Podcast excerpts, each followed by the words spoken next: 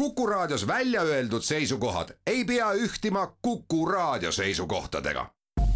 Te kuulate Kuku Raadiot.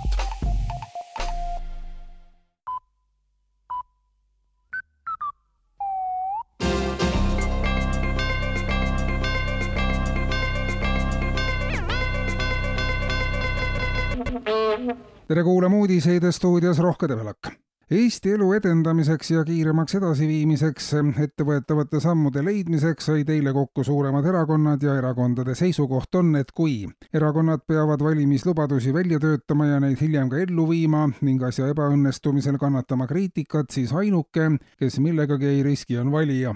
Parteide ühine sõnum on, et ka valijad peavad oma valimislubadused välja töötama ja siis partei otsustab, kas sellise valimislubadusega valijal lastakse ennast valida või mitte tihti näitab elu, et valijad ei käitu nii nagu oodatud, selle asemel, et olla innovaatilised ja luua uusi töökohti, jäävad paljud valijad üldse töötuks. selle asemel, et maksta makse, hakatakse hoopis ise maksuraha tarbima, selle asemel, et koos oma valitud parteiga pingutada, hakatakse seda hoopis kritiseerima. pikemas perspektiivis oleks parteide sõnul õiglane, et ka parteidel oleks õigus oma valijaile umbusaldust avaldada Tallinna linnavalitsus aga teatab, et peatselt kaob üks seni autojuhtidele linnas kehtinud soodustus ja selleks on tasuta sõitmine.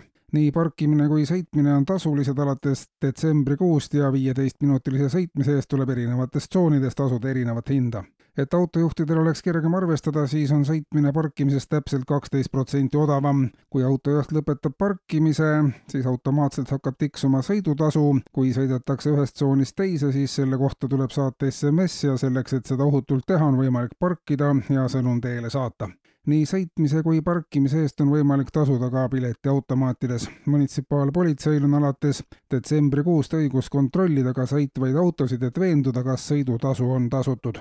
kui on tasumata, siis teisaldatakse auto tasulisse parklasse, soovi korral võib kasutada odavamat võimalust ja tasulisse parklasse ise tasuliselt sõita linn ohutleb autojuhte, sõitmist kui sellist jääb tänu mitmetele remonditöödele linnas aina vähemaks ja erilist väljaminekut uus tasu juhile siiski ei kujuta ja korralduslikku. meeleavalduste korraldamine Stenbocki maja ees muutub alates homsest tasuliseks, teatab valitsus. samuti saab alates tänasest valitsuse kodulehekülje vahendusel vaadata, kas on veel broneerimata päevasid, saab meeleavalduse aega kirja panna ja pangalingi vahendusel tasuda üksikisikuid ja organisatsioone, kes soovivad Stenbocki maja ees pikette ja meeleavaldusi läbi viia, on iga päevaga üha rohkem ja sagenevad olukorrad, kus hinnatõusu vastased lähevad piketeerima, kuid juba on ees LGBT vastased ja juba hingavad kuklasse ka metsaraie vastased, kes on pahurad, et pidid migratsioonivastaste järel ootama, kui need just piketeerimas tulid. Nii peabki üks huvigrupp ootama või riskima, et nende sõnum läheb segaduses kaduma kui meeleavalduste korraldamine on aga tasuline ja valitsuse kodulehelt saab teada, millal on esimene vaba aeg, muutub kogu protsess ka inimestele mugavamaks. meeleavalduse korraldamine Stenbocki maja ees maksab neli tuhat eurot tund ja kogutud raha läheb riigieelarvesse hea meeleavaldus, et riigil halvasti läheb, maksab aga kolmsada eurot pool tundi. täna hommikuse seisuga olid kõik ajad järgmise aasta kevadeni ka broneeritud riigikontroll aga pöördus eile valitsuse poole ametliku sooviavaldusega muuta Riigikontroll alates esimesest jaanuarist meelelahutusasutuseks. kui Riigikontroll ei ole enam riigiasutus, vaid meelelahutusasutus, siis on Riigikontrollile ka enam selge, millises mõttelises ruumis tegutsetakse.